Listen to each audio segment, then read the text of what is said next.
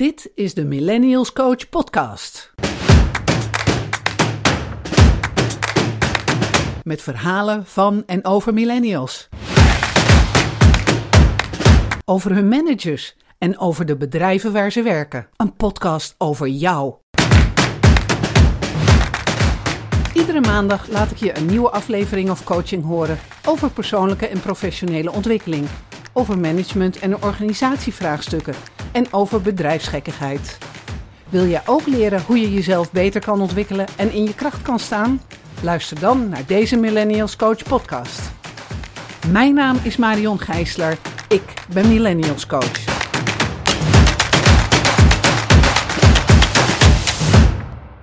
Vandaag een wat ander, meer inhoudelijk gesprek. Dasha Simons heeft als millennial en als vrouw een technische baan. Zij houdt zich door haar studie en haar werkgever bezig met kunstmatige intelligentie, artificial intelligence, oftewel AI. Zij vertelt daar boeiend over en we hebben het over de ethische kant van de algoritmes en natuurlijk ook over millennials. Heel veel luisterplezier. Vandaag heb ik een interview met Dasha Simons. Dasha, hallo. Hey. Hi. Ehm, een gezamenlijke vriendin vond dat wij eens met elkaar moesten praten. En dat, Dat vond ik wel een heel boeiend gegeven. Je moet dus met Dasha praten, dus dat ga ik nou doen. Ehm, dus hoe oud ben jij, Dasha? Ik ben 27 jaar. 27, Ja. oké. En wat heb jij gestudeerd? Ik heb eerst in Eindhoven gestudeerd, waarbij ik industrieel productontwerpen heb gestudeerd. Dus echt kijken naar hoe je met eh, technologie nieuwe producten en innovaties eh, kan maken, die ook belangrijk zijn voor de gebruiker, maar ook daarnaast eh, de businesswaarde daarvan inzien en eh, de technologiekant dus. En daarna ben ik naar Delft toegegaan voor mijn master, waar ik strategisch productontwerpen heb gestudeerd. Waarbij je meer vanuit, niet meer naar het fysieke kijkt, maar veel meer kijkt naar strategieën, visies, services. Dus niet meer fysieke dingen ontwerpt, maar echt eh, niet-fysieke dingen ontwerpt. En dat is best een technische richting voor een meisje, denk ik dan maar. Ja, ja dat, dat, dat klopt. Ja. En hoe, hoe kwam jij er zo bij om deze richting te kiezen? Ja, dat was eh, heel interessant eigenlijk. Want ehm, ik weet nog dat we op de middelbare school een, ja, een soort persoonlijkheidstest hadden. En dan moesten we bepaalde dingen uit kiezen die we heel erg interessant vonden. En daar kwam bij mij eigenlijk uit dat ik eh, en aan de ene kant de creativiteit heel erg belangrijk vond en heel erg interessant vond. Ik heb ook het voortraject voor de kunstacademie gedaan. En aan de andere kant juist die technische kant en natuurkunde, scheikunde eh, ook heel erg interessant vond. Wiskunde.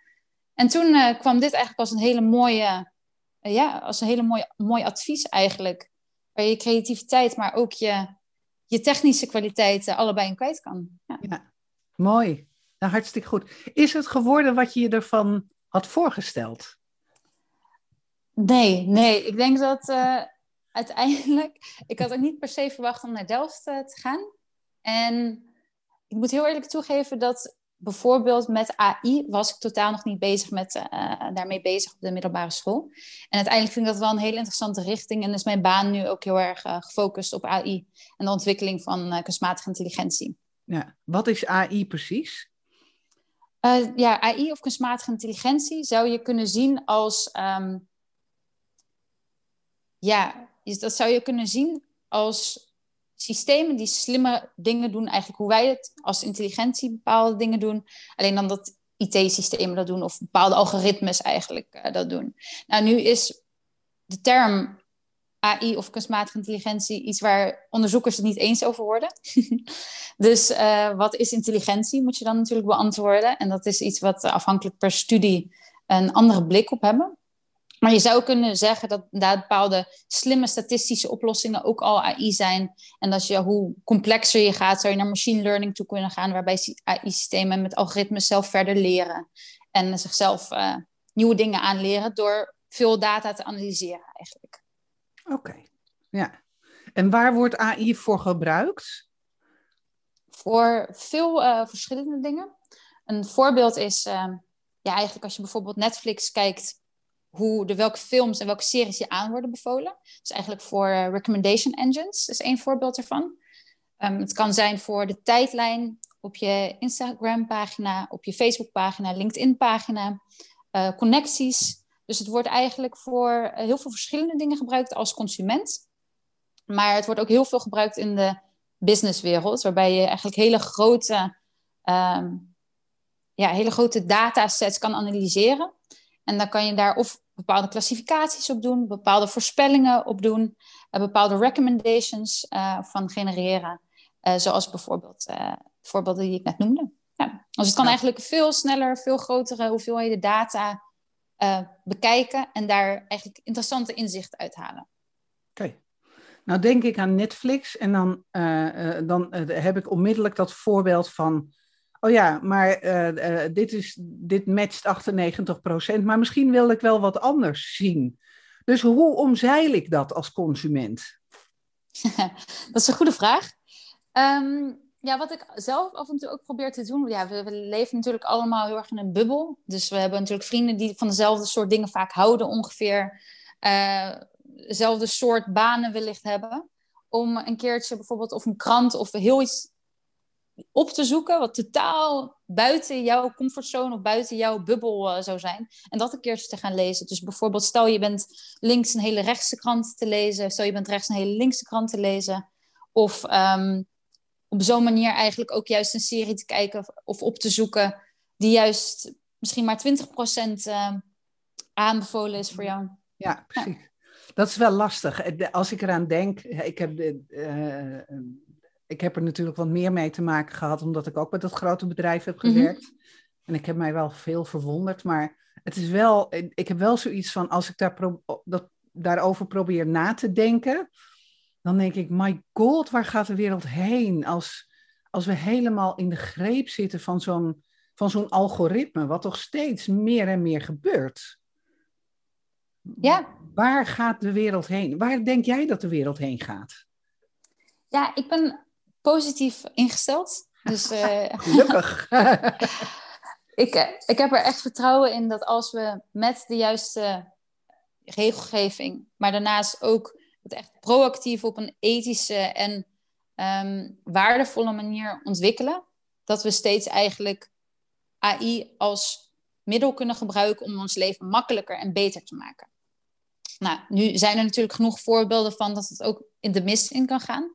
En daar, dat is ook een onderdeel van mijn, uh, mijn werk om ervoor te zorgen dat we die kant dus niet op gaan. En ook juist heel erg de, ja, eigenlijk de awareness en bewustzijn te creëren op het gebied van uh, kunstmatige intelligentie en de, ja, de, de valkuilen daarvan. Hm. Wat is jouw werk? Vertel dat eens. Ja, nou, ik werk binnen IBM. Dus uh, waar jij inderdaad ook hebt gewerkt. En IBM bestaat uit verschillende onderdelen eigenlijk. Dus je hebt een onderdeel wat heel erg focust op research, waarbij alle onderzoekers zitten. Er is een onderdeel waarbij echt software wordt gemaakt die daarna verkocht wordt. Maar er is onder andere ook een consultancy tak. En zelf val ik binnen de consultancy tak. Dus wij adviseren echt andere grote bedrijven vaak over um, bepaalde onderwerpen. En dan voor mij is het geval echt op AI en data. Dus op AI-strategieën, datastrategieën met onder andere een focusgebied op uh, kunstmatige intelligentie en de ethiek daarvan. En op uh, financiële economische criminaliteit en de preventie daarvan. Dat zijn allemaal echt bijzonder interessante uh, gebieden. Echt bankfraude en de, oh man, leuk, leuk, leuk. Ja. Hoe, hoe ben je in dat hoekje terechtgekomen? Ja, dat, die consultants die doen dat natuurlijk. En die dachten van, zij heeft dat gestudeerd, dus wij gaan haar aannemen. Maar Um, was het ook zo? Dat is mijn veronderstelling, hè? ik vul dat in. nou, waar ik uh, achter kwam eigenlijk, mijn afstuderen was ook al binnen IBM. Dus ik heb mijn masterthesis ook uh, in samenwerking met IBM en TU Delft geschreven. En dat ging helemaal over hoe kunnen we nou AI ontwerpen op een manier dat het zo eerlijk mogelijk is. Mm -hmm. En wat voor uh, tools en handles kunnen we daarvoor ontwikkelen. dat het proces van het creëren van zo'n systeem ethisch en eerlijk is. En zo ben, ben ik eigenlijk helemaal ingerold. En uh, op dat gebied ook binnen IBM verder toen ik daar ben gaan werken, met verschillende klanten op gesprekken geweest, um, projecten op dat gebied gedaan, ze geadviseerd. Dus eigenlijk is dat heel vloeiend gegaan, uh, de AI-ethics uh, kant. En de financiële criminaliteit, de preventie daarvan, um, vond ik ook heel erg interessant. aangezien ik merk dat ik het heel erg leuk vind om technologie als middel eigenlijk in te zetten voor sociale problemen. En hoe kunnen we die met technologie eigenlijk makkelijker oplossen? Technologie is natuurlijk ook nooit de, de volledige oplossing, maar wel uh, ons daarbij kan helpen. Ja, ja, ja. ja. Waar, waar ging jouw master thesis over? Uh, over dat over... onderwerp, maar de, de, ik, Ja. wil, de- ik ben benieuwd naar wat meer details, wat meer inhoud. Ja. Ja, dat snap ik. Nee, dat ging over design for fairness in AI. Dus hoe kan je bijvoorbeeld, ehm, en dan eigenlijk iets specifieker, misschien ook leuk om te vertellen, wat je vaak hebt. Stel, dan geef ik al vaak een eh, voorbeeld van het stoel. Stel je ontwerpt een stoel. Dus je bent een eh, interieurontwerper of een stoeldesigner. Je maakt een stoel. Dus dan is het heel moeilijk om een stoel te maken die en comfortabel is, en eh, goedkoop is, en duurzaam is. Daarnaast ook eh, goed is voor eh, je oma, maar ook voor je hond en voor jezelf. Eh, dat die ergonomisch is. Nou, er zijn heel veel dingen waar je rekening mee kan houden. En daar moet je bepaalde afwegingen in maken. Dus er komen bepaalde wrijvingen naar boven. Dus bijvoorbeeld wellicht dat je hem comfortabel en ehm, hoe de kosten van de stoel, dat je daar een afweging in moet maken. Oké, komt het een hoger klassement of een lager klassement? En eigenlijk is dat heel vergelijkbaar met AI. Uh, alleen is dat minder evident, omdat het geen fysiek onder, of ja, het is geen fysiek uh, product, uh, waardoor we dat vaker vergeten. Dus Mhm. er komen ook echt waardewrijvingen. Dus bijvoorbeeld um, hoe uh, accuraat willen we dat een systeem is, of hoe eerlijk willen we dat een systeem is. Er moeten vaak afwegingen in gemaakt worden. Um, een ander voorbeeld is dat je zou kunnen zeggen: van, we willen iets wat juist privacy heel erg stimuleert of juist uh, minder privacy stimuleert. Er zijn allemaal keuzes die je kan maken. En in sommige gevallen zijn ze meer um, waardevol voor de ene stakeholdergroep en een andere voor een, voor een andere. En dan moet je, die keuze moet eigenlijk bewust gemaakt worden. En kan je een ging... voorbeeld geven? Want ondanks dat ik het onderwerp een beetje ken, ga, ga, vind ik het heel abstract. Ja, en probeer ja, ik nee, te begrijpen van, ja, kan je een voorbeeld geven om het handen ja. in voeten te geven? Ja, uiteraard. Dus een, een voorbeeld hierbij is, is stel je zou een, bijvoorbeeld binnen IBM hebben wij een kalendersysteem en je kan ervoor kiezen, willen we een open kalendersysteem hebben dat iedereen elkaars kalenders kan zien en inzien. Um, dat, daarmee support je eigenlijk dat mensen openhartig zijn naar elkaar, heel erg transparency zou dan een waarde zijn, uh, of transparantheid. Uh, om daar naar voren te laten komen. Maar je zou er ook voor kunnen kiezen. Nee, we vinden privacy belangrijker. Mensen mogen hun agenda helemaal afschermen. Niemand kan elkaars agenda inzien. En op zo'n manier, dat is eigenlijk een heel makkelijk voorbeeld. Het hoeft niet per se met AI te maken, maar dan zie je wel hoe dat in zoiets naar voren kan komen. Nou, en zo doende kan je dat ook uh, bewust implementeren in een AI-systeem. Hm. Leuk. Oké. Okay. Ja. Dus um, dus je hebt verteld, dat is waar je thesis over ging, over de diverse aspecten die je, uh, die je hebt om af te wegen binnen een systeem wat door AI gedreven wordt, zeg ik het zo goed? Ja, ja dus inderdaad, we hebben echt gekeken van hoe kan je die waardewrijvingen die je hebt op een bewuste manier eigenlijk concreet maken. Want inderdaad, als je kijkt naar eerlijkheid, nou, het is hartstikke abstract. En heel veel uh, bedrijven, dat is heel goed dat ze dat hebben. Bepaalde principes van we willen dat AI eerlijk is, we willen dat het uh, inclusief is, et cetera. Maar als je een bepaald voorbeeld, dus echt een toepassing daarvan uh, neemt. Dus stel, um, je, je wilt voorspellen of iemand een bepaalde um, krediet terug kan betalen, ja of nee. En op basis daarvan wil je de persoon toelaten of niet, of afwijzen voor dat bepaalde krediet dan um, wat is dan eerlijk? En als je daarin duikt, dat is, wordt het veel specifieker. En die vertaalslag te maken, daar hebben we heel erg op gefocust. Dus hoe, of daar heb ik toen heel erg op gefocust. Van hoe, hoe kan dat? Wat voor tools kan je daarvoor gebruiken? Hoe kan je de teams uh, daarin helpen? En daar is eigenlijk een processtap met toolkits uitgekomen. Um, die wij nu ook nog binnen IBM toepassen. Kijk eens aan. Ja, ja. mooi is dat. Ja, helemaal ja. goed. En toen heb je die thesis gedaan en toen werd je aangenomen bij IBM. Ja. En nu zit je, ben je precies aan het werk in de hoek waar je ook in gespecialiseerd bent, waar je in afgestudeerd bent, waar je in gestu gestudeerd bent. Zelfs niet eens afgestudeerd, maar ook gestudeerd. Dus, um, dus hoe, hoe is dat voor jou om het nu meteen ook zo in de praktijk te brengen? Ja, heel erg leuk eigenlijk. En wat je merkt is dat het, uh, het is een onderwerp dat heel veel uh, populariteit krijgt nu. Het is echt, uh, je ziet het bijna in elke, alles wat met AI te maken heeft, dan komt het nu naar voren. Dus daar ben ik heel erg blij mee. Dat was een paar jaar geleden nog wel anders. Ja. En dus je ziet ook dat er steeds meer interesse naar komt en dat de stap voor stap, je ontwikkelt jezelf eigenlijk verder met het vakgebied mee. Het is nog een relatief nieuw uh, onderwerp, dus mensen zijn er misschien zijn wel eerder mee begonnen, maar dat het echt interessante onderzoeken steeds publieker werden.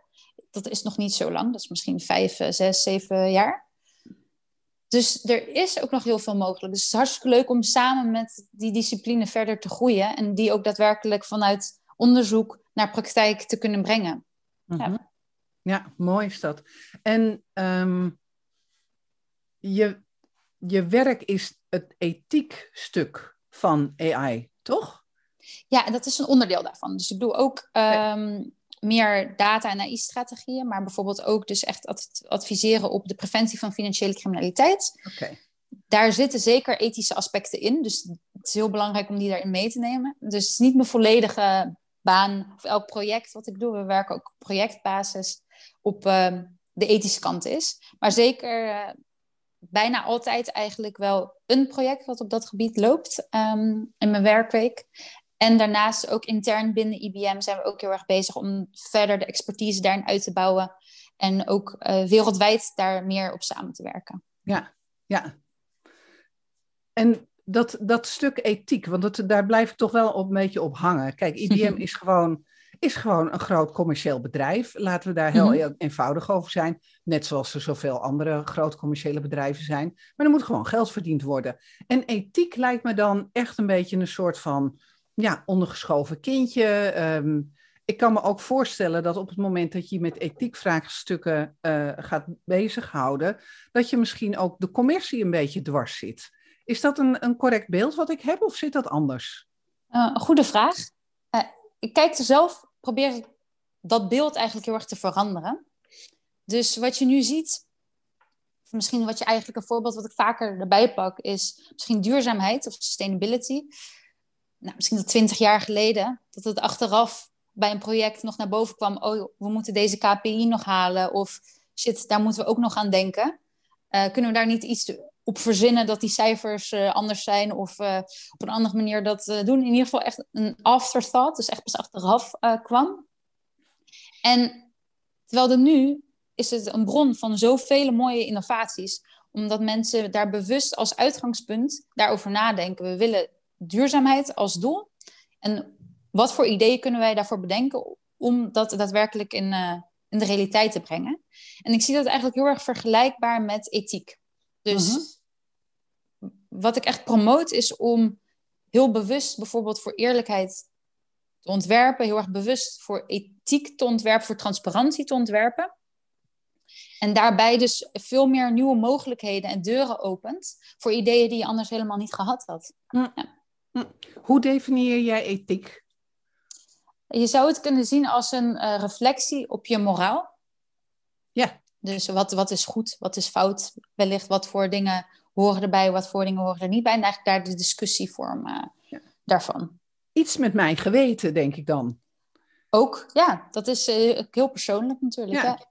En heel erg cultuurgebonden. Heel erg uh, leeftijdgebonden kan het zijn. Ja, dus dat is echt heel erg persoonlijk. Ja, dat sowieso. Maar ik probeer een beetje te begrijpen van... oké, wat is dat werkveld dan? En dan denk ik van... voor mij is ethiek dan Um, ik vind het niet oké dat ik alleen maar um, uh, door, gestuurd door een algoritme een, een, een soort van voorgekoude keuze krijgt op datgene waar ik mee bezig ben of wat ik kijk hè, op, uh, op de televisie, mm -hmm. op, uh, op, op een streamingdienst of wat dan ook. Dus dat, dat, is, dat houdt het woord voor mij in. En dan ja. denk ik, ik probeer het dan in mijn, in mijn gedachten te parkeren voor be, in bedrijven. En dan denk ik, hoe zouden zij daarmee, of hoe zou dat onderwerp daar dan spelen? Ja, dus wat je steeds, ten eerste is het ook um, binnen de regelgeving zo ingericht. En er komt steeds meer een regelgeving dat bepaalde dingen daadwerkelijk ook niet mogen. Je mag niet discrimineren bijvoorbeeld. Of je mag niet um, data lekken van iemand of op een manier gebruiken of opslaan zonder uh, dat iemand er toestemming voor geeft. Nou, dat is aan de ene kant. Dus je ziet dat bedrijven daar ook meer op letten, omdat de regelgeving ze daarnaar stimuleert. Um, aan de andere kant denk ik dat het ook echt. Um, dus eigenlijk wat je vraagt is waarom vinden bedrijven dit belangrijk om over na te denken, toch?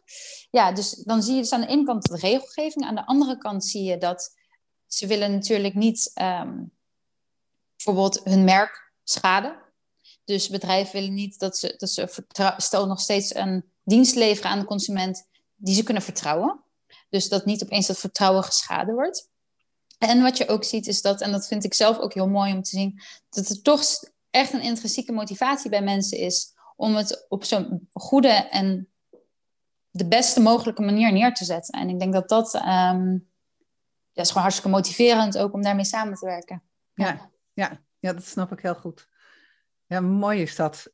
En ik denk ook van op het moment dat je het er dan zo over hebt, dan um, nou, dan um, help je bedrijven ook om aan, aan, deze kant van de business te denken. Dat, dat vind ik op zich vind ik dat wel een heel mooi, mooi iets. Als ik zie hoe, hoe ongelooflijk gedehumaniseerd we zo nu en dan de wereld zien worden, weet je wel. Gisteren mm keek ik naar, uh, naar een, een stukje over een documentaire over de kopermijn, nee, de kobaltmijn uh, ergens uh, in ver wegistan. En een, iemand verdient er dan 200.000 dollar per dag aan door bepaalde trucken toe te passen. En de kinderen die het uit de grond halen, die doen gevaarlijk werk voor 3 dollar per dag. Dat ik denk, waar gaat de wereld heen?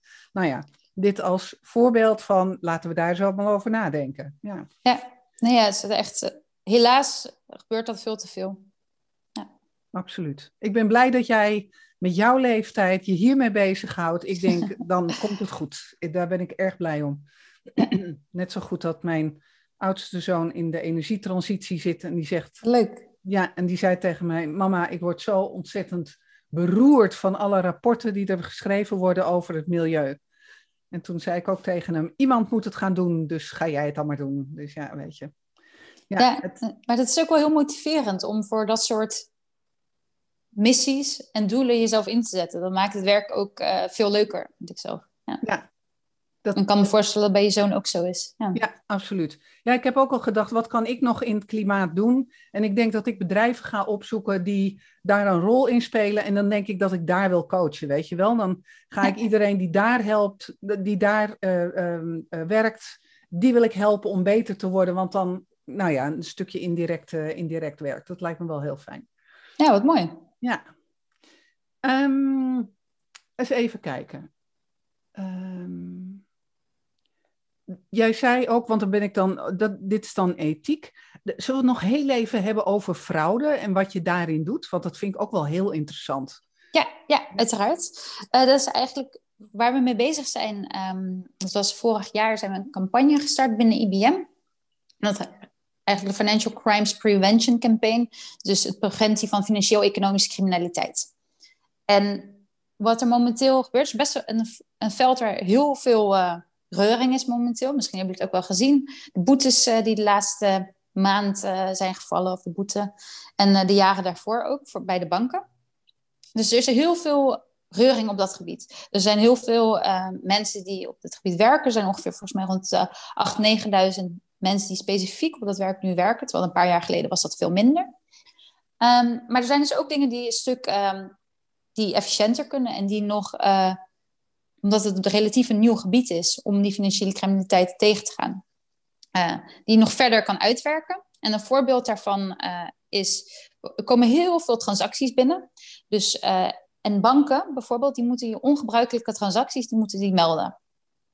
En omdat er zoveel miljoenen transacties per bank per dag uh, gedaan worden, is het veel handiger om daar bepaalde technologie voor te gebruiken, zodat uh, de analisten die dat uh, reviewen, daar bepaalde tools of bepaalde adviezen over krijgen, daarbij geholpen kunnen worden, zodat zij hun werk en echt helemaal kunnen focussen op de analyse zelf.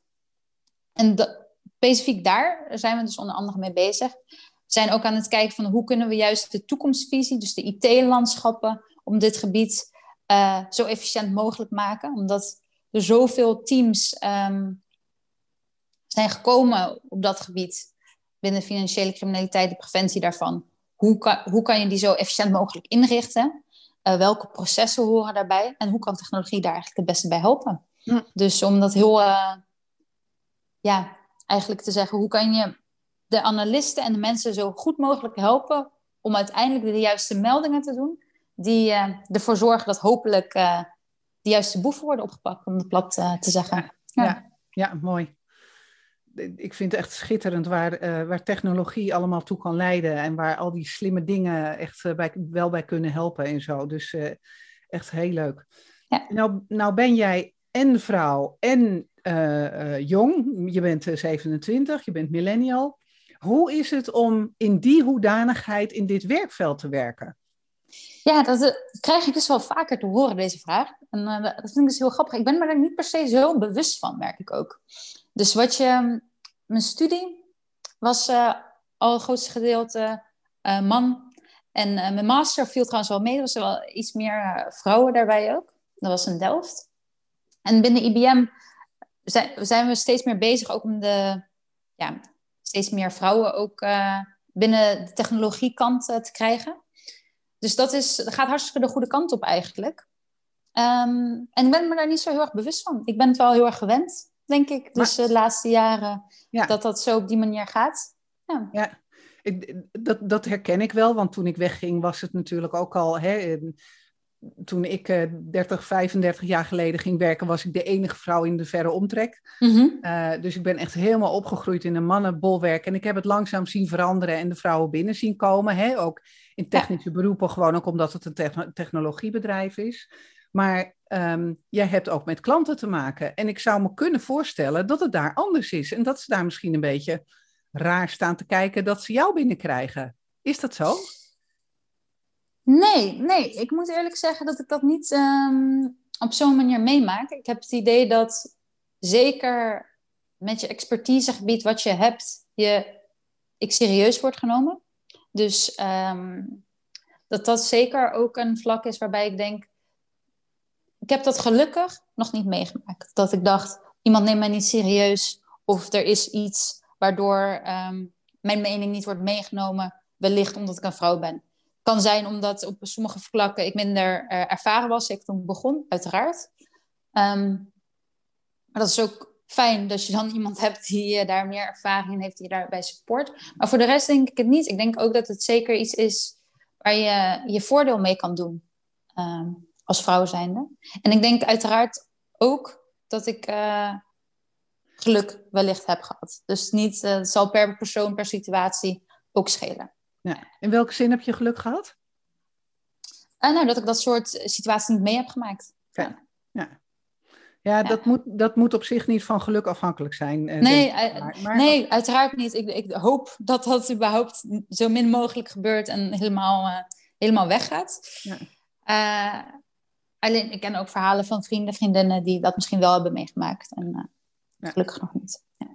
Maar de millennials die ik spreek, en mm-hmm. uh, die jong zijn en relatief weinig ervaring hebben, die hoor ik wel mopperen over van, nou ja, ik word niet serieus genomen, dan wel door de klant, dan wel door mijn werkomgeving. Um, hoe, hoe zie jij dat in jouw leeftijdslaag? En dan denk ik van, nou, binnen IBM heb ik daar wel vertrouwen in dat dat, dat, dat goed gaat, maar gewoon mm-hmm. in zijn algemeenheid om jou heen. Ja, ik heb eigenlijk het idee dat de ideeën wel heel erg gewaardeerd worden. Uh, ik kan natuurlijk vooral uh, wel binnen IBM praten. Dus het is ook heel fijn als je juist een ander een nieuw perspectief biedt. Dat juist ook expliciet naar gevraagd wordt. Van, je bent nu nog niet helemaal uh, blauw geverfd. kan je juist een outside perspectief bieden om wat voor dingen verbeterd kunnen of hoe we dat kunnen aanpakken. Um, in het algemeen denk ik dat je ontwikkelt jezelf ook steeds meer binnen de sector waarin je werkt. Binnen, um, en wat ik vaker als advies heb gekregen, dat je ook niet uh, maar alles tegelijkertijd moet willen, dat het dan lukt bijvoorbeeld. Dat je ook wel soms wat geduld moet hebben en dat dat vanzelf, uh, dat je bepaalde processen of bepaalde dingen steeds beter gaat leren, bepaald stakeholder management steeds beter leert, steeds ehm, andere punten ook steeds beter leert. Ja. ja. En als jij nou advies zou moeten geven aan je leeftijdsgenoten die wel zeggen van nou, ik ben jong en ik word niet serieus genomen in de omgeving waar ik ben. Wat voor advies zou je daar dan aan geven? Want jij hebt het advies oh. gekregen. Maar wat zou jouw advies zijn? Goede vraag. Ehm, ik denk één ding wat goed is om ook niet uh, aan jezelf te erg gaan twijfelen. Ik denk dat het altijd goed is om wel reflectief te zijn, om te kijken, kan ik het op een andere manier brengen? Of werkt het als ik uh, dat op een bepaalde manier uh, aanpak? Um, maar zonder dat je gaat denken, oh, wat ik zeg is helemaal niet belangrijk. Want uiteindelijk wordt het bedrijf er beter van, of het project er beter van, als meerdere mensen juist een divers perspectief delen en kunnen, ja, ja, kunnen delen. Dus ik denk dat dat wel heel belangrijk is. En wat ik ook merk, en dat is ook een eigenlijk advies wat ik ooit eens heb gekregen, bedenk ik me nu. En ik denk dat me dat ook geholpen heeft dat je per meeting of per plek ook van tevoren al een rol kan bedenken die je wilt aannemen. Dus in sommige meetings ben je misschien meer iemand die heel erg luistert en dan het gesprek analyseert. En op die manier er veel van kan, kan leren ook. Terwijl op andere momenten ben je wellicht de expert op een bepaald gebied. En dan kan je het ook zo zelf meer neerzetten. Dus dat je daadwerkelijk praat op een manier, ik weet waar ik het over heb. Dat is dan ook zo. Maar dat dat wat duidelijker zo uh, naar voren komt. Ja. En daarnaast zou je het er ook nog met mensen over kunnen hebben. Dus met de persoon die, uh, met wie je het goed kan vinden uit het team. Dat die je misschien wellicht erbij kan helpen. Of even het moment geeft, hey, uh, die persoon die wil ook nog wat zeggen. Ja. ja. Wat zou jij als advies geven? Ja, ik, eh, toevallig heb ik de afgelopen twee dagen uh, leuke gesprekken gehad met millennials. En wat me bij beide opviel, was dat zij enorm hun best deden om alles te weten. Mhm. En ik heb daar het goede advies aan gegeven. Ehm, je bent jong en je hebt relatief nog niet zoveel ervaring. Je hebt wel al een studie achter de rug, dus je hebt al een goede prestatie neergezet. Maar je bent net aan het werk. Je hoeft helemaal niet alles te weten. Mhm. Ga gewoon de dingen vragen, weet je wel? En een antwoord, ik weet het niet. Of een antwoord, ik weet het nog niet. Vertel het mij, dan weet ik het ook. Is een prima antwoord. Maar de, de, de, de klem die ik alsmaar tegenkom, is uh, dat ze willen voldoen aan een soort van ideaalbeeld, wat gewoon niet haalbaar is met 27. Je bent niet 45 met 100 jaar ervaring, dat ben je niet. Dus waarom zou je daaraan willen voldoen? Dus die mensen die zitten enorm veel tijd te verliezen op googelen om uit te vinden wat het antwoord is op een bepaalde vraag, omdat ze dat niet weten. Terwijl hun buurman het misschien in drie seconden tegen ze vertelt. Ik zeg, ga het nou gewoon aan iemand vragen. Het is helemaal niet erg dat je het niet weet. Mhm. En dan zie ik een soort van vraagteken in dat gezicht dat ik denk van, waarom leer je dat niet op de universiteit? ja je kan niet alles weten. Dat gaat helemaal niet. Ik zou het helemaal niet erg vinden als iemand, ehm, eh, als iemand het, het, niet weet, weet je wel. Dan denk ik, oh, dan moet je het even. Weet ik het? Vertel ik het jou? Weet ik het niet? Weet ik waar je het kan halen? Dan stuur ik je daarheen. Toen ik manager werd, dat weet ik nog goed. Ik ben 7,5 jaar manager geweest. En uh, toen had ik ook allemaal universiteitsverlaters. En uh, de manier waarop ik ze wijzer maakte was dit is jouw vraag. Dat waren vaak wat grotere vragen. Hoe werkt het binnen het bedrijf? Of hoe werkt het met dit uh, uh, stuk cultuur binnen het bedrijf? Of hoe werkt het op deze afdeling? Dan zei ik, hier is één naam van binnen mijn netwerk, want ik ken natuurlijk ook niet iedereen.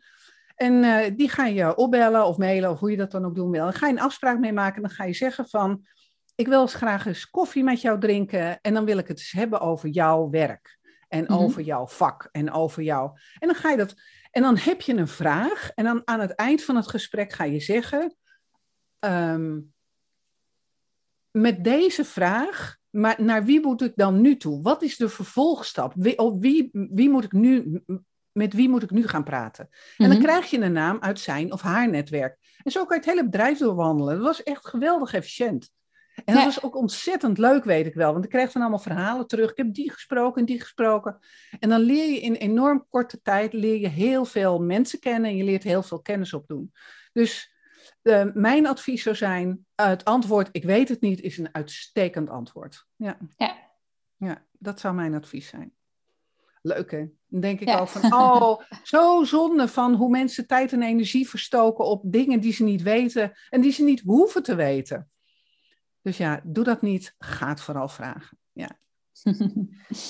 Ehm, mijn volgende vraag aan jou was: ehm, jij werkt blijkbaar bij een bedrijf die er niet zoveel moeite mee heeft om jonge mensen uh, naar klanten toe te sturen en om ze projecten daar te laten doen.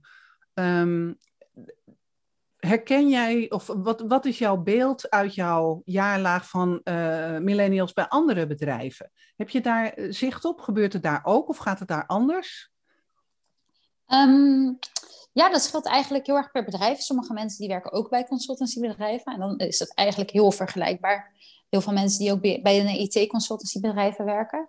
Je hebt mensen natuurlijk ook die bij uh, bijvoorbeeld een uh, echt bedrijf zelf werken. Dus niet bij een consultancy, maar ik, zeg maar wat bij een Albert Heijn of een Ahold of een Bol.com of, uh, of kleinere bedrijven. Um, en dus daar ga je minder naar een klant toe. Maar wat ik wel heel erg merk, is dat bedrijven die daar veel aandacht in steken om de ontwikkeling en de verantwoordelijkheid uh, voor bepaalde projecten of innovaties eigenlijk daarbinnen um, te geven, dat dat heel goed werkt, dat dat heel motiverend werkt voor mensen. Dat ze het heel erg leuk vinden als ze bepaalde verantwoordelijkheid voor iets krijgen, um, een eigen eilandje wellicht krijgen op een bepaald gebied. En dat daar ze daardoor ook wellicht ook harder voor werken. Ja. Oké. Dus wat zou jouw advies zijn aan de bedrijven die millennials in huis hebben en dat willen houden?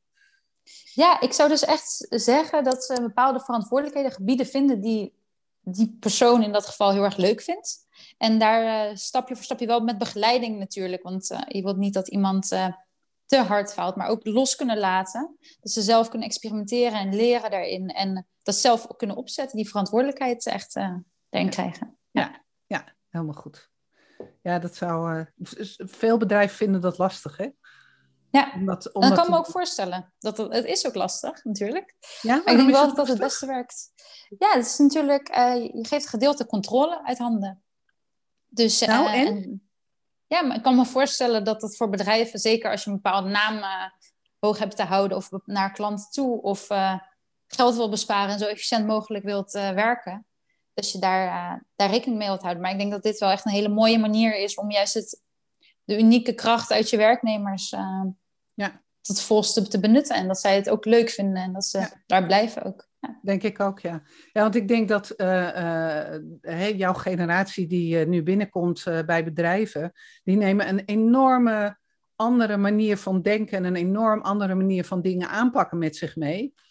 Ehm, en jullie zijn ook de toekomst. Dus jullie moeten ook met die hoedanigheid, moeten jullie de toekomst in. Dus ik hoop dat jullie de vrijheid krijgen van de bedrijven waar jullie werken, om dat te kunnen doen, weet je wel. En ik, uh, ik wens bedrijven toe dat als ze jonge getalenteerde mensen binnenkrijgen, hè, zoals jij ook, dat ze die echt ten volle kunnen inzetten en daar echt het maximale uithalen. Ook als dat een beetje misschien tegen het... Uh, ja, tegen het establishment is, in is, mhm. zou ik bijna zeggen. Dat, uh, ja, dus dat, ja, dat wens ik ze toe. Ja. Ja. Hey, ik ben nog even nieuwsgierig naar even een heel ander onderwerp. Mm -hmm. Je bent ook bezig met een podcast. Ja, dat klopt. Ja, ja, dus ja. dat is uh, heel erg leuk om te doen ook. Ja, zoals ja, jij al heel goed dat weet. Dat klopt, het is heel leuk om te doen. Waar gaat jouw podcast, podcast over? Ja, dat gaat dus ook echt daadwerkelijk over de financiële criminaliteit en de preventie daarvan. En wat wij gedaan hebben is, binnen die campagne die we binnen IBM hebben opgezet, wilden we ook heel graag iets terugdoen binnen de community. En eigenlijk mensen um, meer op de hoogte brengen van het onderwerp en ook eigenlijk positief daglicht te schijnen. Je ziet, het komt best wel vaker negatief in het nieuws. Maar wij vonden het heel, heel leuk om ook te kijken, als we de alle verschillende betrokkenen, eigenlijk de hele keten, en nou gaan spreken. Hoe zien alle verschillende partners de toekomst eigenlijk voor zich? En hoe kunnen we daar bijvoorbeeld technologie voor inzetten? En hoe kunnen we dat de toekomst nog beter doen? Dus daar spreken we hele interessante mensen bij. Dus vanuit de bankaire sector, vanuit de Nederlandse Vereniging van Banken, vanuit um, misschien overheidsinstanties, juist uh, meer uh, fintech-achtige bedrijven. Dus dat is wel heel erg interessant. Ook meer het utility perspectief. Dus echt de samenwerkingsverbanden die op dat gebied ontstaan. Um, waardoor we een, een, compleet beeld aan het creëren zijn van hoe denken zij dat de toekomst uh, van de financiële criminaliteit en de preventie daarvan eruit gaat zien. Ontzettend interessant. Hoe gaat de podcast? Want hij is nog niet live, hè? hij is nog niet live? Nee, nee, dat klopt. Hij komt binnenkort live. Ja. Wat is binnenkort? Uh, ik verwacht de komende twee, drie weken. Oké, ja. nou, dat is inderdaad binnenkort. En hoe gaat hij heten? Uh, the Sherlocks of the 21st Century. Prachtig, helemaal leuk. Ja. En het is onwijs leuk ook om uh, de verschillende perspectieven te horen, met nieuwe mensen in contact te komen, op interessante ideeën te komen natuurlijk. En dat ook verder te delen met, uh, met Nederland uh, en België. Ja. Dus ja, dat, is echt, dat zou jij heel goed ja, ook meemaken en weten. Ja. ja, helemaal leuk. Nou, fantastisch. Dasha, ik zou het hiermee graag willen afronden. Ja, uiteraard. Helemaal en, goed. ja, enorm bedankt voor, jou, voor jouw tijd en inzet. En ik vind het, vond het echt heel leuk om jou gesproken te hebben. En uh, ik wens jou alle geluk uh, van de wereld en heel veel succes. En een ja. hele glanzend mooie carrière in ieder geval. nou, echt heel erg bedankt en uh, superleuk om uh, hier te mogen zijn. Dus echt heel erg bedankt. Helemaal graag gedaan.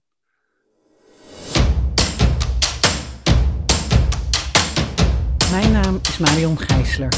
Ik ben Millennials Coach. Ik help millennials te stralen bij de bedrijven waar ze werken. En ik help de bedrijven om de millennials die ze in dienst hebben of willen hebben te boeien en te binden en optimaal de ruimte te geven als volgende generatie in de organisatie. Ik nodig je uit om daar een goed gesprek met mij over te hebben. Ga naar millennialscoach.nl en neem contact met me op. Tot snel.